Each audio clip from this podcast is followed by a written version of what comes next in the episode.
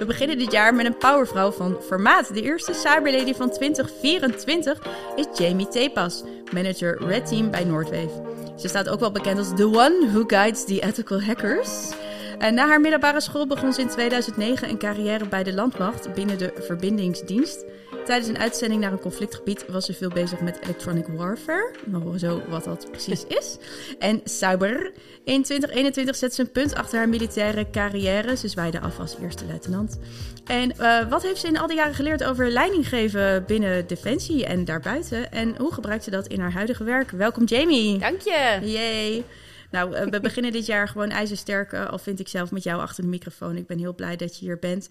En uh, je had zelf contact met mij ja. gezocht, wat ik altijd heel erg leuk vind als vrouwen dat doen. Dus ook bij deze een oproep aan andere vrouwen. wees, don't, don't be shy, ja. contact me. Uh, omdat je heel graag over een bepaald onderwerp wilde praten. Ja, zeker weten. Ja, ja. Bedankt dat ik hier mag zijn. Ik vind het echt super tof. Ja. ja ik ben echt, uh, ben echt heel blij dat ik uh, het podium mag krijgen. Ja, nou absoluut. En dat, dat verdien je ook als geen ander. Um, en wat is het onderwerp waar je heel graag over wilde praten? Nou ja, ik werk nu, um, ik denk, 14 jaar ongeveer in de, in de leidinggevende functie. Um, en ik denk dat het belangrijk is dat we het nu wel eens een keertje hebben over het feit dat die vrouwen die zich eigenlijk nooit durven aan te melden op een leidinggevende functie in een expertisegebied, zoals het redteam, uh, nou ja, dat we dat een keertje dat, dat moet klaar zijn. Het is namelijk helemaal niet zo eng als dat je denkt. Nee, nou, dat is al heel goed bij deze punt. Ja, klaar. klaar. Nou, bedankt. we gaan weer aan de koffie. We nemen een biertje. We, ja. ja. Bier mag ook, mag allemaal prima. Um, nou, inderdaad, het vrouwelijk leidinggevende binnen aan technische ja. professionals, ja, inderdaad. als ik het zo mag uh, samenvatten. En nou ja, dat ben je dus uh, zelf ook. Ja. En, en wat maakt het dan dat je daar zo vreselijk gepassioneerd over bent? Nou ja, ik, uh, uh, bij de landmacht had ik natuurlijk ook wel veel te maken met uh, mensen in de IT. vrouwen, mannen, het maakt eigenlijk allemaal niet uit. Um, en mijn passie ligt in het leidinggeven, maar achter leidinggeven zit natuurlijk de mens die je leiding geeft. Um, en sinds dat ik eigenlijk bij Noordwave werk, merk ik pas echt hoe geweldig het is om leiding te geven aan mensen die nou ja, eigenlijk 180 graden anders van mij zijn. Ik ben de, de passie en, en gevoel. Ja, en bij deze mensen is gevoel vaak natuurlijk niet het sterkste punt. Het is vooral heel veel denken en heel erg goed zijn in de inhoud. Uh, en ik merk steeds meer dat het gewoon heel tof is om met die mensen juist uh, het gevoel op te zoeken. Of om te kijken, wat heb jij nou nodig voor je persoonlijke ontwikkeling... om uiteindelijk in de inhoud nog beter te worden? Ja. Want dat vergeten we vaak. Ja, want hoe ziet jouw team eruit? Uh, even kijken hoor. Ik heb uh, twee vrouwen in het team en uh, nu 18 mannen. En een hond. Onze hulphond. Ja, ja, ja, Jana. Ja, ze is echt heel tof. dus eigenlijk drie vrouwen. Ja, oh, ja en ik zelf dan. Ja. Dat, dat, dat daar ook ruimte voor is, hè? dat is natuurlijk ontzettend Ja, dat is heel fijn. Ja, ja, en het is ook heel gezellig, want het is, het is dan een van de hulphonden van mijn jongens. Um, maar ja, goed, ze komt binnen en het is gelijk, ze komt langs. En ze, even, het is altijd fijn om even je hand op te leggen en dan weet je, oh, het is goed, het is rust. En, fijn, hè? Ja, het is heerlijk. Ja, ik dat is ook gewoon voor, ja, voor iedereen. Iedereen vindt dat fijn, een, ja. Of je het echt nodig hebt, een hulppond of niet. Ja, nee, het is uh, voor iedereen een hulppond, ja. Maar, um, maar twee, twee dames en de rest uh, mannen, da daar valt nog wel wat, denk ik, aan diversiteit binnen te doen. Ja, ja, goed. Het is natuurlijk ook, hè, het is heel technisch. Dus uh, ik kijk altijd naar iedereen, ben je de beste persoon voor de job in plaats van ben je een man of ben je een vrouw. Want ja. uh, ik denk dat het gaat om wat je kunt en wat je zou kunnen worden. Mm -hmm. uh, maar nee, ik ben, uh, ik ben trots dat ze bij mij in het team zitten. En redelijk, ja. er zijn redelijk divers bij Noordwave. Het is alleen in de technische hoek zie je gewoon wat ja, minder blijft vrouwen. Ja, nog een beetje achter. Hè? Ja, ja, ja, dus ook oproep aan de dames. Ja, let's go. Kom maar. Kom ja, maar. kom maar. Gezellig. ja. Um, en jouw, jouw motto is eigenlijk een beetje people power management. Mag ik dat zo zeggen? Ja, zeker. Ja? Power, ja, ja, ja, en wat zeker. bedoel je daar precies mee? Nou ja, bij de landmacht leer je natuurlijk vooral leiding geven vanuit um, minder vanuit gevoel. Uh, je leert daar bepaalde processen um, en daar komt een product uit en dat product, daar moet je iets mee gaan doen. Hè. Dat zit heel erg in de stramine. Um, en ik merkte al redelijk snel dat ik was niet zo'n persoon. Uh, ik kan heel goed direct leiding geven, maar diep van binnen wilde ik eigenlijk naar personen toe gaan en zeggen: hoe gaat het nou met je? Maar daar is geen ruimte voor. En dat is ook helemaal oké, daar heb ik van geleerd. Uh, maar op een gegeven moment begon het wel aan me te knagen, want ik, ik wist dat ik het veel fijner vond om de verbinding met iemand op te zoeken en niet per se iemand te vertellen wat hij moet doen. Dat hij intrinsiek gemotiveerd raakt om voor je te werken of voor het doel te werken wat je hebt. En um, op een gegeven moment toen uh, mijn eerste rol bij, uh, bij Noordwave was met engineers. Um, Ja, en ik kwam daar binnen en ik zag meteen, dit moet veranderen en dat moet veranderen. En ik kwam ook echt binnen en ik zei, we gaan het allemaal veranderen. Ja, dat moet je dus niet doen, want dat is heel gek. Want bij sommige mensen in hun hoofd gaat dat niet helemaal goed. Ehm, dus daar moest ik ook wel heel hard op lachen. En het grappige is dat je dus ook die feedback niet krijgt. Je krijgt vooral heel veel vraagtekens. En dan zitten ze... Dat zie je dan soms letterlijk boven zo'n hoofd dat, ontstaan, inderdaad. Zo van, ik zeg ook altijd, daar is waar ben je mee bezig? Ja. ja. Het is echt, en uh, dat maakte het juist heel leuk. Want dan, toen zat ik ook op de bank en dan zei ik tegen mijn vriend... Wat is, doe ik nou verkeerd is? Ligt het dan aan mij? En ik wil toch juist dat het beter wordt? En toen zei hij, ja, maar misschien willen ze dat wel helemaal niet. En is dat misschien een beetje eng? Oh ja, ah, ja, eng. Oh ja, dat is een emotie. Ja, daar moet ik ook even iets mee doen. Um, ja, dus nu merk ik dus dat... Um, de, ik, ik loop heel vaak tegen dat soort dingen aan. Dat ik wil dan voorwaarts, als ik het mooi mm -hmm. zeg. Uh, en deze mensen hebben meer ruimte nodig. Maar als je daar niet naar vraagt of je leert hen te begrijpen dat het oké okay is om soms die vraag te stellen, dan ga je ook niet verder komen. En dat is die, die, die persoon achter de persoon. En ik, ik vind dat gewoon heel waardevol. En voor mij is echt een goede dag als ik weet dat ik iemand maar een heel klein stukje heb kunnen helpen. Of als iemand jankend bij me komt omdat hij het allemaal niet meer weet. Dan denk ik, ja, dit is top. Want ja. je bent vulnerable en je durft dat te doen. Want ja, we moeten allemaal wel eens huilen, weet je. Dat is heel eng eigenlijk, hè? Ja, dat is, je dan, ja. ja dat, dat, je jezelf zo kwetsbaar opstelt. Ja, ja. En ik denk dat we dat juist meer zouden moeten doen. Ook vrouwen, weet je. Ik bedoel, ik hel ook wel eens op de bank als ik het gewoon allemaal niet meer weet. Volgens mij gisteren, nou, gisteren moest ik niet huilen, maar het zat me wel dicht tegenaan. En dan denk ik, ja, een heftige dag gehad. Uh, maar dat reguleert ook gewoon je systeem. Je krijgt ruimte in je hoofd, weet je. Het is niet iets van zwakte. Het is juist mooi dat je het kan uiten. Ja.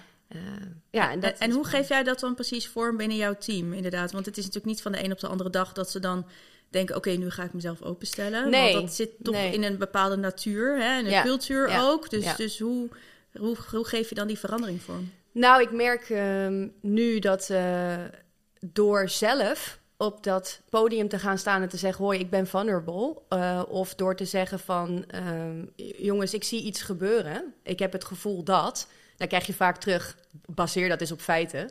Dat is heel moeilijk voor mij. zeg ik, ja, dat is gewoon een gevoel. Ja, ik baseer het op ja, gevoel. het is een gevoel. ja. um, en dan probeer je dat te onderschrijven. Um, en dan krijgt dat ruimte. En door die ruimte... Het is eigenlijk een soort spel, zeg ik altijd ook wel eens tegen de jongens en tegen de meiden. Um, ergens gebeurt er iets met je. Uh, en dat feit wat je nu... Dat is een gevoel.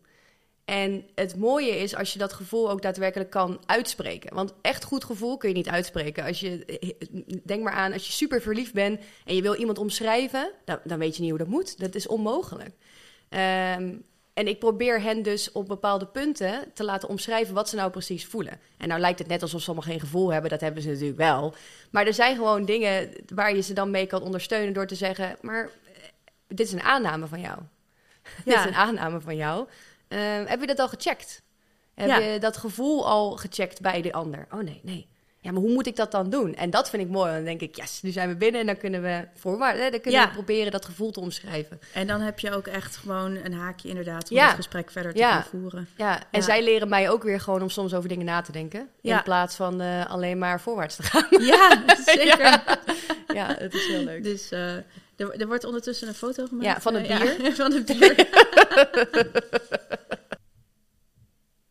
Ja, ik wilde het ook nog heel even hebben over um, je, de start van je carrière.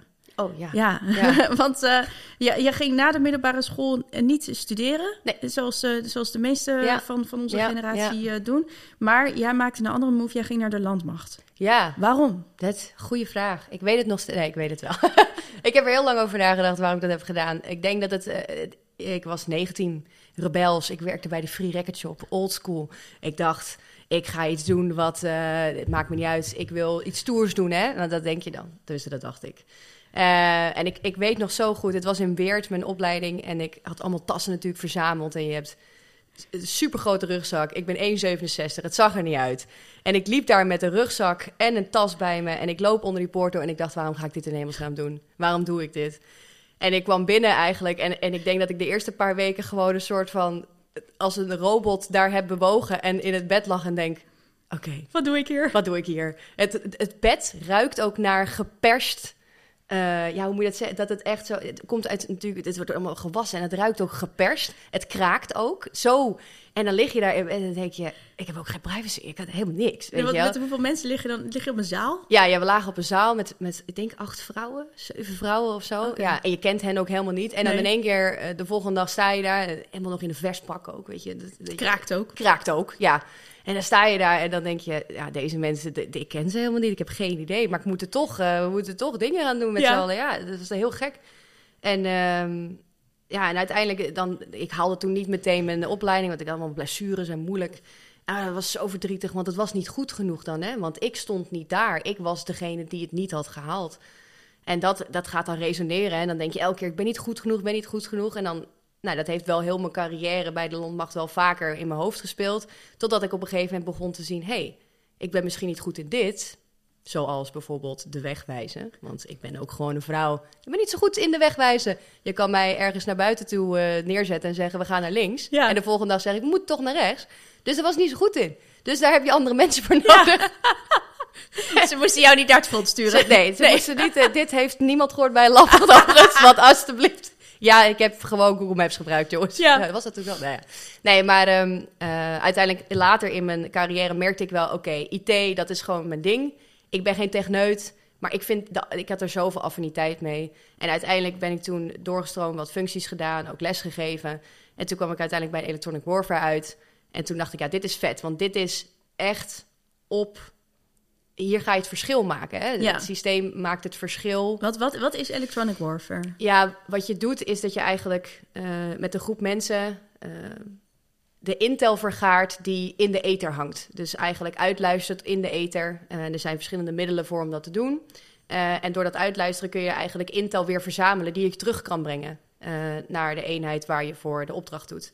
Ja, en dat, en dat, dat vond ik een leuk, was heel vet om te doen. Omdat je daar net wat meer in de techniek zat. En je zat net wat meer in de kleinere groepen had je ook. Dus het was heel sp- specialistisch werk. Ja, En toen begon ik ook te klikken met, oké, specialisme. Dus niet grote groepen, specialisme vind ik ook leuk. Ja, toen kwam ik met cyber in aanraking. En dan is het ook weer bij mij dat ik denk, oh, ik ga wel even allemaal cursussen doen. En allemaal red team cursussen. En toen dacht ik, oh, dat kan ik wel. En dan uiteindelijk, nou ja, dan be- ben je eraan begonnen. En dan zie ik rechts iets, weer iets anders. En toen dacht ik, ja, maar waar ben ik nou echt goed in? ja. En, dat, en elke keer dacht ik, nou ja, maar dat leiding geven, dat is het niet. Het kan niet. En dan krijg je toch weer feedback. En dan kan ik weer niet met feedback omgaan. denk oh ja, super positief dat deze mensen tegen mij zeggen. En toen in één keer begon ik wel te zien, ja, mijn vakgebied is niet per se de techniek inhoudelijk, maar de mensen in de techniek en die ondersteunen. En blijkbaar heb ik iets waardoor ze met mij willen werken aan iets. ja. En toen ben ik eruit gegaan en toen heb ik gedacht, oké, Noordwave, via via kwam ik bij Noordwave terecht. Ja. En nu is het... eh, Zit je ja. op je plek. Zit, dit is eigenlijk, het is een succesverhaal van iemand die gewoon op de VMBO uit de neus had te vreten. Sorry voor mijn taalgebruik. nu gewoon een MBA aan het doen is bij Noordwave. Ook niet meteen uit school gaan, is gaan studeren. Gewoon werken, zelfstandig worden, eigen huisje. Ehm, en zoeken naar wat ik nou leuk vind. En nu ben ik 34 en nu heb ik zoiets dat ik denk... oh, ik kan eindelijk even schouders laten hangen. Het is goed, dit is wat ik leuk vind. En dan Ja. zie ik daarna wel weer. Ja, Ja. dat is ook een mooie les hè, voor alle dames die Zeker. eigenlijk nu nog niet zo goed weten wat ze willen gaan doen. Eh, en wat is ook wat jij mij, tegen mij zei, zo, je hoeft niet een vak te leren, Nee. maar als je maar wel weet waar je goed in Ja. bent. Ja. En dan kan je vanuit daar altijd weer, eh, weer verder gaan Ja. bouwen en kijken. Ehm, ja, ik vind, ik vind het Electronic Warfare, ik vind het echt zo cool. Ik zie jou gewoon helemaal zo in zo'n pak zitten met Ja. zo'n koptelefoon op mee Ja, te luisteren ik naar zal wat je er foto's aan, laten zien. aan- in de ether stuk. wordt geslingerd aan, Ja. eh, aan, aan, aan geheime informatie en zo vanuit... eh, Ja, ja, en, en, en hoe, hoe zit dat dan? Want jij bent ook een keer mee geweest op uitzending. ja, ja. We gaan niet precies vertellen waarheen en hoe dat dan in zijn werk ging. Maar jij was one of the guys eh, die meeging naar zo'n conflictgebied, als het ware. En, en hoe, hoe, hoe is dat dan als vrouw?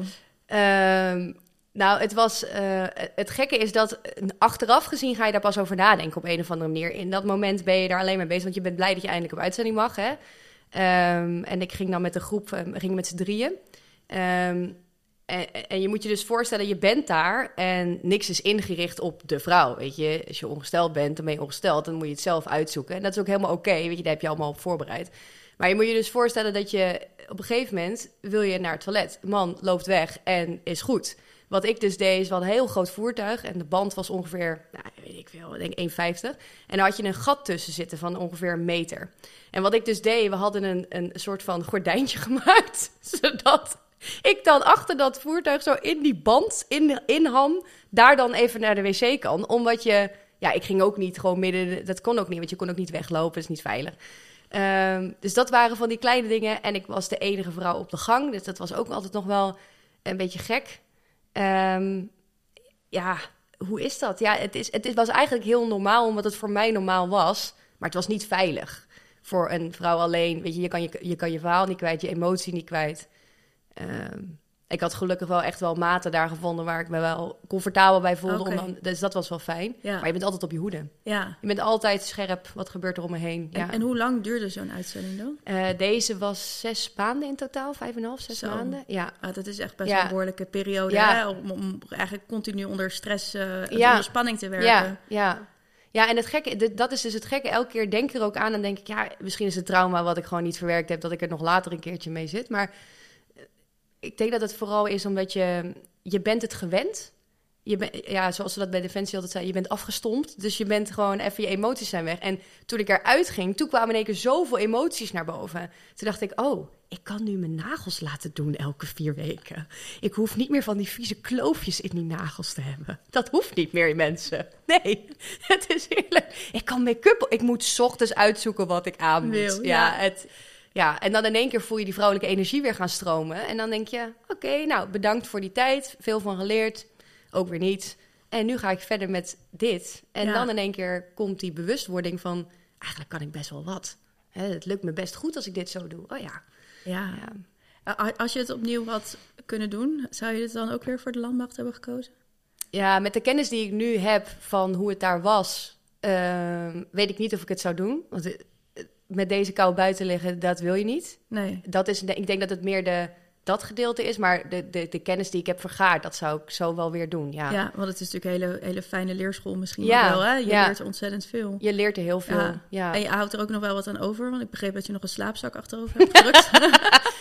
en nog heel veel andere. Ook dit hebben jullie niet gehoord. Nee. Dit hebben jullie niet gehoord, dit heb ik niet gedaan. Ik heb het netjes gevraagd. Ja, netjes gevraagd. Nee, ik vroeg, ik vroeg inderdaad aan jou, of heb je dan inderdaad toch zo'n pakje? Zo'n, zo'n, zo'n, ik vind dat eigenlijk super stoer, hè? want ik ben eigenlijk gewoon een zakker voor... Uh, voor, voor, ik ken dat. Voor, voor, voor, ja. voor, met name mannen in pak. Mannen in pak, ja. Heb je ook niet gehoord. Maar, uh, maar, maar Jamie in pak zou ik ook wel graag willen zien. En uh, dus ik zei, waar heb je dan nog zo'n pak thuis? En zei, nou, ik heb heel veel, heel veel teruggegeven, maar ik heb nog een paar dingetjes inderdaad als mooie herinnering uh, ja. voor Sommige later. dingen stonken ook heel erg, dus die moesten ook echt weg. Ja. Dat was ook gewoon... Dat, de geur Ik zou de sokken ook niet bewaard oh. hebben, nee. Nou, die heb ik dus nog wel. Oh. Want die zijn lekker warm hoef je ze niet te kopen. Goud. Ze hebben ook gewoon niks bewaard. Oh, fantastisch. um, maar goed, nee, dan, dan, sluiten we nu gewoon even het hoofdstuk, uh, hoofdstuk landmacht. Ja, uh, we gaan gewoon verder, want je ging toch weer van de mannenwereld van de landmacht, ging je ja. nou weer naar de mannenwereld van de techniek Tuurlijk, ook weer in. Ja. En um, nou ja, dus je hebt, je hebt dan wel twee dames, uh, aantal, aantal mannen in je team. Um, is er, is er een, een, een, advies ook wat jij zou willen geven aan dames die nu... Uh... Nou, ik denk dat uh, het is natuurlijk algemeen bekend dat vrouwen altijd denken: ik kan dit niet, dus ik solliciteer niet. Uh, en dat is hetzelfde als met dit. Kijk, we hebben in de hele wereld heel veel expert leaders hè, die in de inhoud heel veel kennis hebben. Um, en de vraag is, in dit geval voor de vrouw, misschien ben jij wel in staat om juist die zwengel eraan te geven die ze nog niet eerder hebben gehad, om te kijken naar de mens achter de techniek. Um, en als je affiniteit hebt met een vakgebied, en in dit geval ik dan met cyber, um, probeer het dan gewoon. Hè. Ga, gewoon ga gewoon dat gesprek aan. Want een gesprek aangaan helpt ook al om te zien, wil ik dit nou eigenlijk? Want uiteindelijk hoef je het niet te doen om aan alle vrouwen te laten zien, kijk eens, ik heb het gered. Je moet het doen voor jezelf. Je moet het gevoel hebben, wat ik nu ga doen, daar voel ik me comfortabel bij. En daar voel ik me veilig bij. Uh, en als je dat volgend jaar weer iets anders gaat doen, ook goed. Ja. Maar het ja, de meeste vrouwen zitten redelijk in het gevoel, net als ik. Uh, als het goed voelt, dan ga je vanzelf ook floreren. Um, en ik denk dat dat iets is wat ik bij mijn team probeer te bewerkstelligen en bij mezelf ook wel. En dan raak je op een gegeven moment ook het gevoel kwijt: ik moet altijd maar beter worden. Uh, want soms is het ook gewoon goed wat je doet. En dan kun je vanuit daar weer verder kijken wat je dan weer wil doen. Of niet. En dan blijf je zitten. Ook goed. Ja, ja. mag ook. Of je gaat ja. nog een keer verder studeren. Ja, dat kan ook nog. Hè? ja, wat kan dat schelen, joh. En zelfs, zelfs met uh, vier bonuskinderen, een drukke baan. Het kan allemaal, jongens. Discipline noemen ze dat. Ja, maar dat heb je dan misschien ook weer geleerd in de. 100 ja, procent. Ja, ja, ja, dus je dan echt gewoon heel goed... Misschien wordt in tijd plannen of Ja, tijd bij de structuur. Ja, structuur ja, ja, ja, stressbestendig, ja. ja.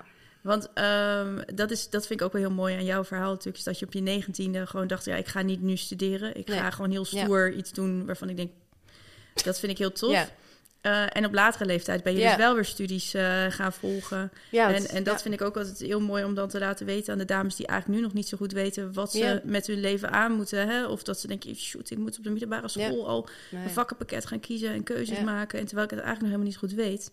Denk ja, maar je kan ook nu gewoon hè, op latere leeftijd pas zeker, zeker. met, met uh, studies en die keuze maken en dan uiteindelijk toch in de, in de techniek of in de cybersecurity belanden. Ja, ik denk dat ik ook nu, nu ik wat ouder ben, uh, meer heb aan die studie omdat je, je hebt al wat ervaring in je rugzakje zitten. En doordat je die ervaring kan uh, gebruiken samen met je studie in de commercie in dit geval, hè, bij ons, uh, dat helpt gewoon heel erg. En ik heb mijn, mijn bachelor dan gehaald toen ik 26 was, denk ik. En het geeft je ook een ander beeld. Want je bent, als je klaar bent net van school en je moet weer op school. en je voelt dat dat niet jouw keuze moet zijn. Ja, doe het dan gewoon niet. Ga dan gewoon werken. Ga met mensen, ga met bedrijven praten. Maar voel jezelf niet zo verplicht om te moeten. Want het hoeft niet. Weet je, als je je niet comfortabel voelt, gaat dat ook niet resoneren. En dan ga je er waarschijnlijk heel ongelukkig voor worden. Ja, en dan ga je weer twijfelen aan jezelf. En dan, krijg je dat weer. En dan krijg je het hele riedeltje weer waar we nu met de hele vrouwelijke goede gemeente in zitten. Dat we het allemaal denken dat we het niet Imposter kunnen. Imposter syndroom. Ja, ja, moeten we niet doen. Nee, moeten we niet nee, doen. Zo is dat. Dus uh, luister naar Jamie. Kom vooral een keertje op de koffie, ik kan het je allemaal vertellen. Ja. Oh, nou, dat is een heel mooi, uh, heel mooi aanbod. Um, stel dat, dat je minister van Cyber zou worden, want je bent goed in leiding geven. Dus ik, ik zie het ook nog wel een keer gebeuren. Dat minister jij van Cyber. Hoge, hoge positie krijgt ja, binnen thanks. de politiek. Wat zou je dan uh, willen veranderen? Ja, dat is een goede vraag. Ja, vanuit mijn kennis en kunde denk ik dat het vooral ligt in... ja, alles verandert en ja, we blijven techniek wel of niet uh, gebruiken. Maar laten we alsjeblieft niet vergeten dat er mensen achter zitten... En als jij de mens erachter gelukkig kan maken, dus dat we onszelf wat meer kunnen richten op wat heeft die mens, die persoon nou nodig om dit vakgebied te kunnen doen. Uh, dus ik zou me heel erg richten op hoe, hoe ga je om met je medewerkers? Hoe willen we dat cybermedewerkers worden gezien? Net zoals dat we toen de tijd in corona iedereen bejubelden die in de zorg werkte. Uh, die mensen die in het cybervakgebied werken, je moest eens weten wat die allemaal doen. Achter de, en, en die zullen dat zelf niet zo snel uitspreken.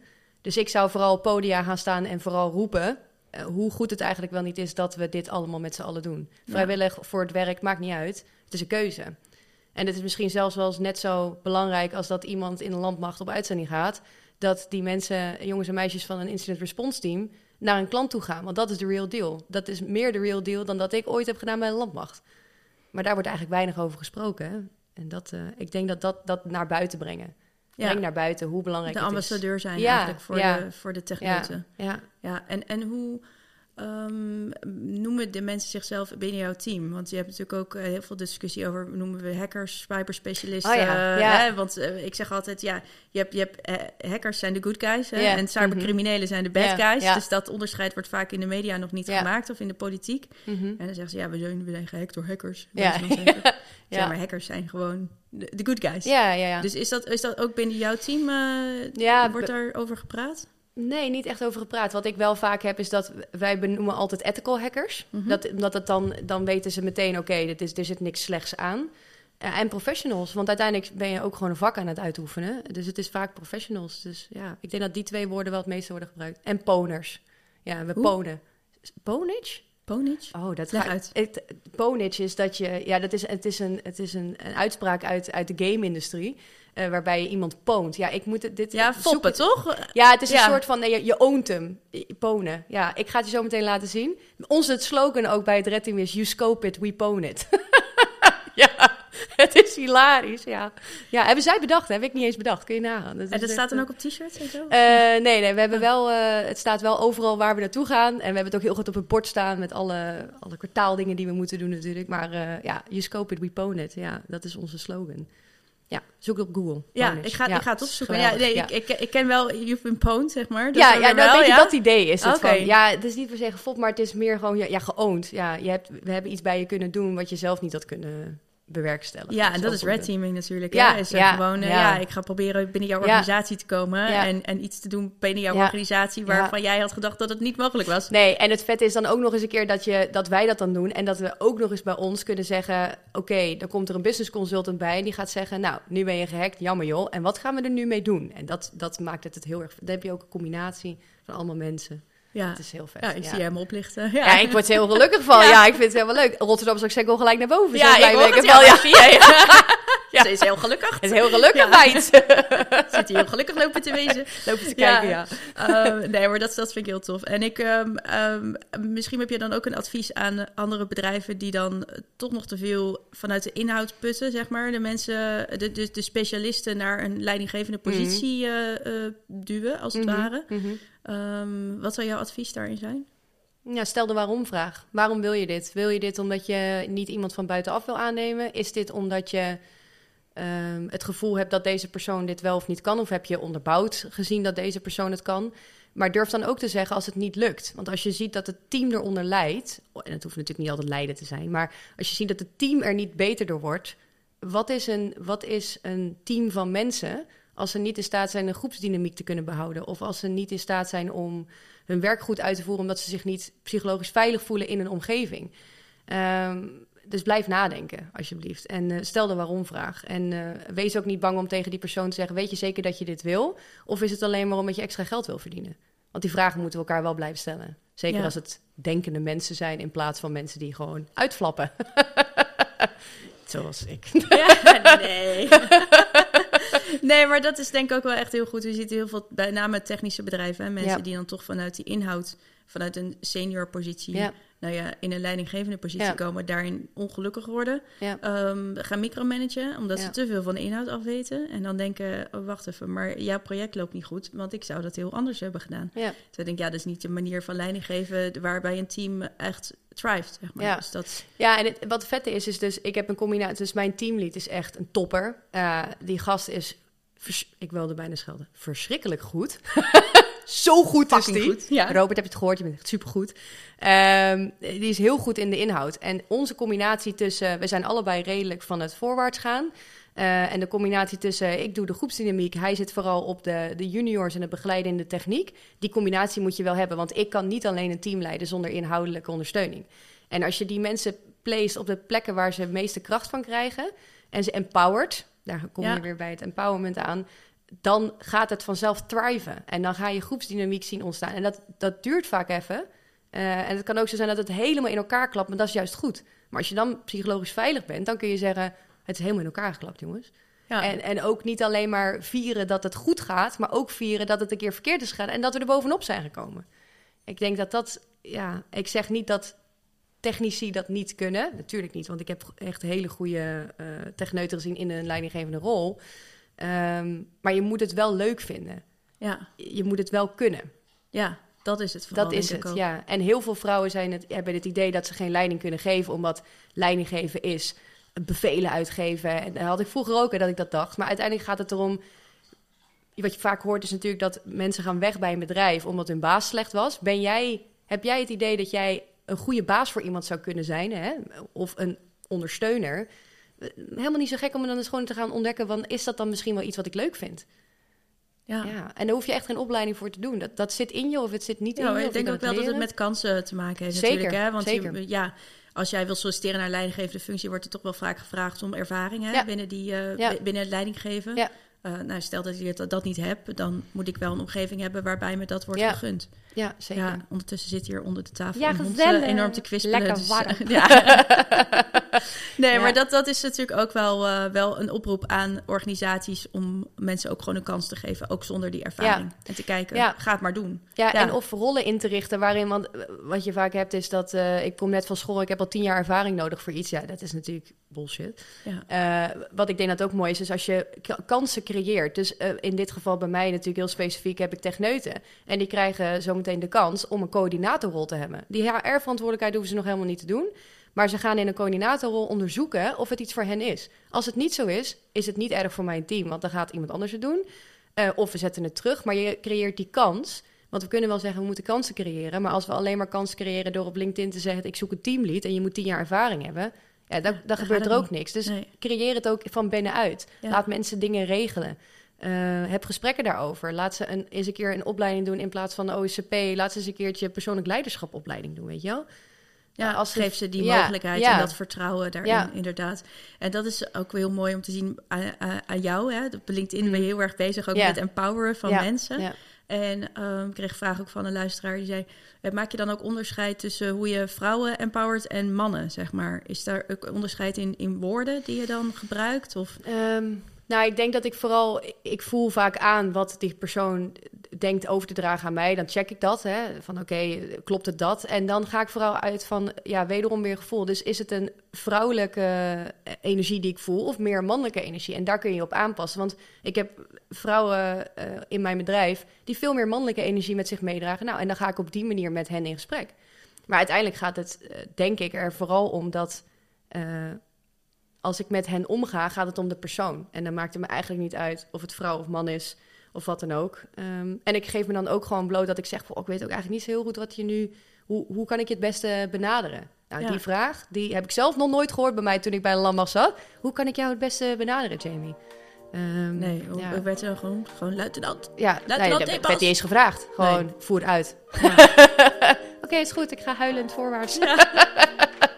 Ja, In mijn warme slaap. ja lekker warm. Ja. slapen. Ja. Ehm, ik denk dat er een wereld voor je open ligt. Ja, dank je. Ik denk Ja. het ook. Ja, en voor iedereen die durft te doen. Ja, Zeker. Dankjewel. dankjewel.